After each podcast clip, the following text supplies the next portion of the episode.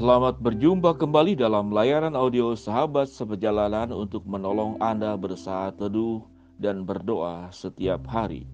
Tema daripada saat teduh dan renungan kita pagi ini yaitu cerai bukan solusi. Hari ini adalah hari Kamis 8 Oktober 2020. Firman Tuhan terambil dalam Matius 19 ayat yang ke-6 demikian bunyi firman Tuhan. Demikianlah mereka bukan lagi dua melainkan satu. Karena apa yang sudah dipersatukan Allah tidak boleh diceraikan oleh manusia.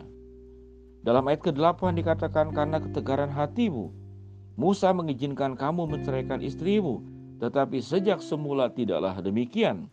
Ayat yang ke-9.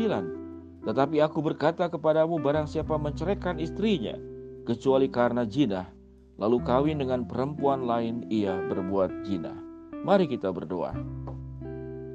Bapa yang di dalam surga, sebuah malapetaka besar tatkala sebuah rumah tangga yang menjadi idaman yang diharapkan menjadi tempat yang terbaik di dalam dunia ini namun justru berakhir dengan sebuah tempat yang terburuk yang dialami di mana di sana saling bertengkar, saling menyakitkan, saling menyikut, saling menenggelamkan, menenggelamkan, saling mengfitnah, bahkan saling melukai di dalam seluruh aspek hidupnya.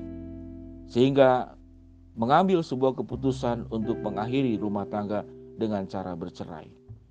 Kalau tema hari ini berbicara tentang cerai bukan solusi, kami ingin ya Tuhan mendengar kebenaran firman Tuhan ini.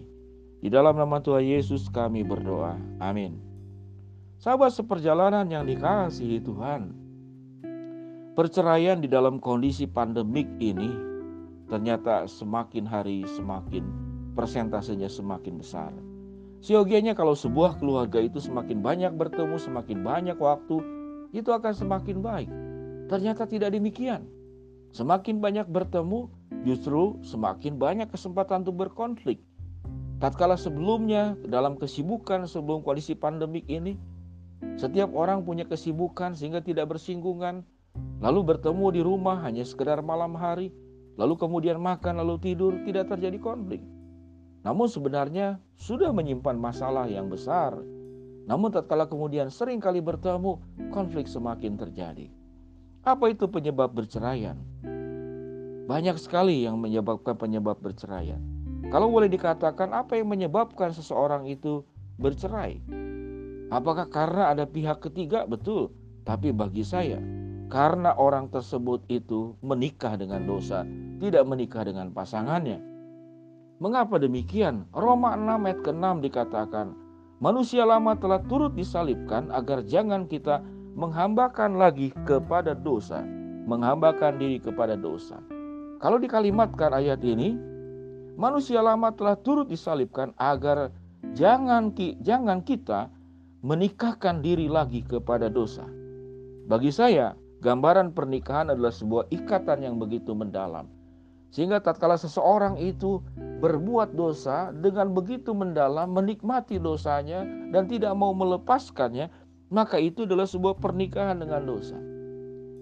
Alkitab mengajarkan kita itu sebagaimana pengantin bertemu dengan Yesus, yaitu pengantin anak domba Allah itu digambarkan dengan luar biasa ikatan kita dengan Tuhan dilampangkan di dalam pernikahan.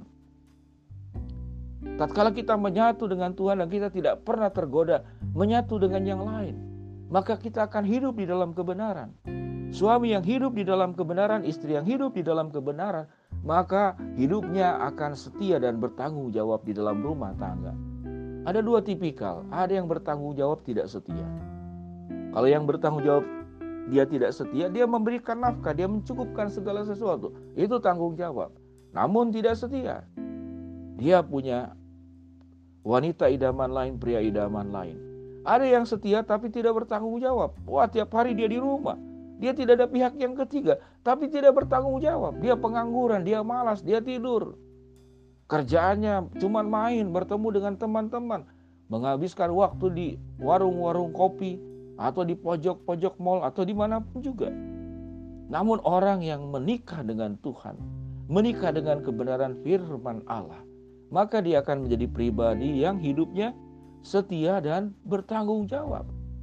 Karena seseorang yang hidup bergumul dengan firman Allah, menikah dengan firman Tuhan, menikah dengan Kristus, menjalin sebuah hubungan yang mendalam yang tidak pernah terlepas di dalam kebenaran firman Allah.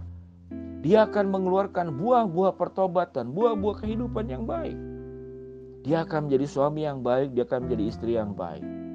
Dia akan menjadi suami yang setia dan juga menjadi istri yang setia. Menjadi suami yang bertanggung jawab, juga istri yang bertanggung jawab. Betapa indahnya sebuah pernikahan sebelum kau menikahi pasangan. Engkau harus menikah terlebih dahulu. Menikah dengan kebenaran firman Allah. Dan bukan menikah dengan dosa. Seseorang yang menikahkan diri dengan dosa. Maka berpotensi hidupnya di dalam segala hal juga akan bermasalah. Berumah tangga berpotensi akan tercerai. Bekerja berpotensi kalau dia menikah dengan dosa. Itu diberhentikan Tatkala sekolah dan studi menghambakan diri kepada dosa, menikah dengan dosa, lalu dia malas, lalu dia tidak jujur, maka berpotensi dihentikan. Sehingga orang yang menikahkan diri dengan dosa tidak hanya di dalam rumah tangga akan bermasalah. Dalam seluruh kehidupannya juga dia akan bermasalah. Sahabat seperjalanan yang dikasihi Tuhan. Kalau kita kemudian memahami seluruh bagian-bagian firman Tuhan ini, maka sesungguhnya penyebab perceraian di dalam rumah tangga bukan karena pihak ketiga, tapi karena dirimu sendiri. Karena waktu engkau menikah dengan dosa dan tidak menikah dengan kebenaran firman Allah, engkau tidak akan menghargai pasanganmu. Engkau tidak akan menghargai suamimu. Engkau tidak akan menghargai istrimu. Hidupmu tidak akan setia kepada pasanganmu. Hidupmu tidak akan setia, tidak bertanggung jawab kepada pasanganmu, kepada rumah tanggamu. Sahabat seperjalanan yang dikasihi Tuhan. Ingatlah bahwa anak-anak yang dititipkan sebagai anugerah yang terlahir di dalam rumah tangga kita, mereka berhak untuk mendapatkan yang terbaik dari kedua orang tuanya. Apa yang kita bisa wariskan kepada anak-anak kita sebagai sesuatu yang terbaik, bukan kesehatan, bukan pendidikan, bukan materi, tapi keteladanan hidup tapi keutuhan rumah tangga yang terjaga.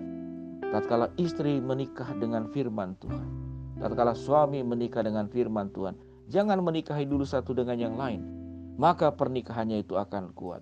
Pernikahannya itu akan kokoh. Pernikahannya itu tidak pernah akan goyah oleh keadaan, oleh kemiskinan, oleh kesulitan, oleh godaan apa pun. Karena dia tidak menghambakan diri kepada dosa.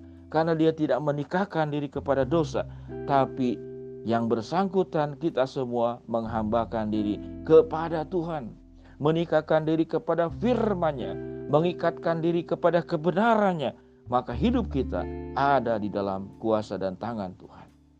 Sahabat seperjalanan yang dikasih Tuhan, biarlah kita boleh memahami bahwa cerai bukan solusi. Solusi yang terbaik engkau bukan menceraikan pasanganmu, tapi menceraikan hidupmu dan dirimu dari dosa dan engkau menikah dengan kebenaran firman Allah. Engkau bersatu dengan kebenaran firman Allah, maka rumah tanggamu akan terjaga. Mari kita berdoa. Bapa yang di dalam sorga hambamu berdoa bagi yang sedang sakit di rumah maupun di rumah sakit. Tuhan yang akan jamah, Tuhan yang akan sembuhkan. Bagi sahabat seperjalanan yang sedang mengalami kendala dan kesulitan masalah dan problema, Tuhan bukakanlah jalan. Bagi sahabat seperjalanan yang sedang berharap, memohon dan meminta sesuatu, Tuhan yang kabulkan sesuai dengan waktu, cara, dan juga sesuai dengan kehendakmu. Hamba mau berdoa secara khusus buat rumah tangga-rumah tangga yang diambang perceraian.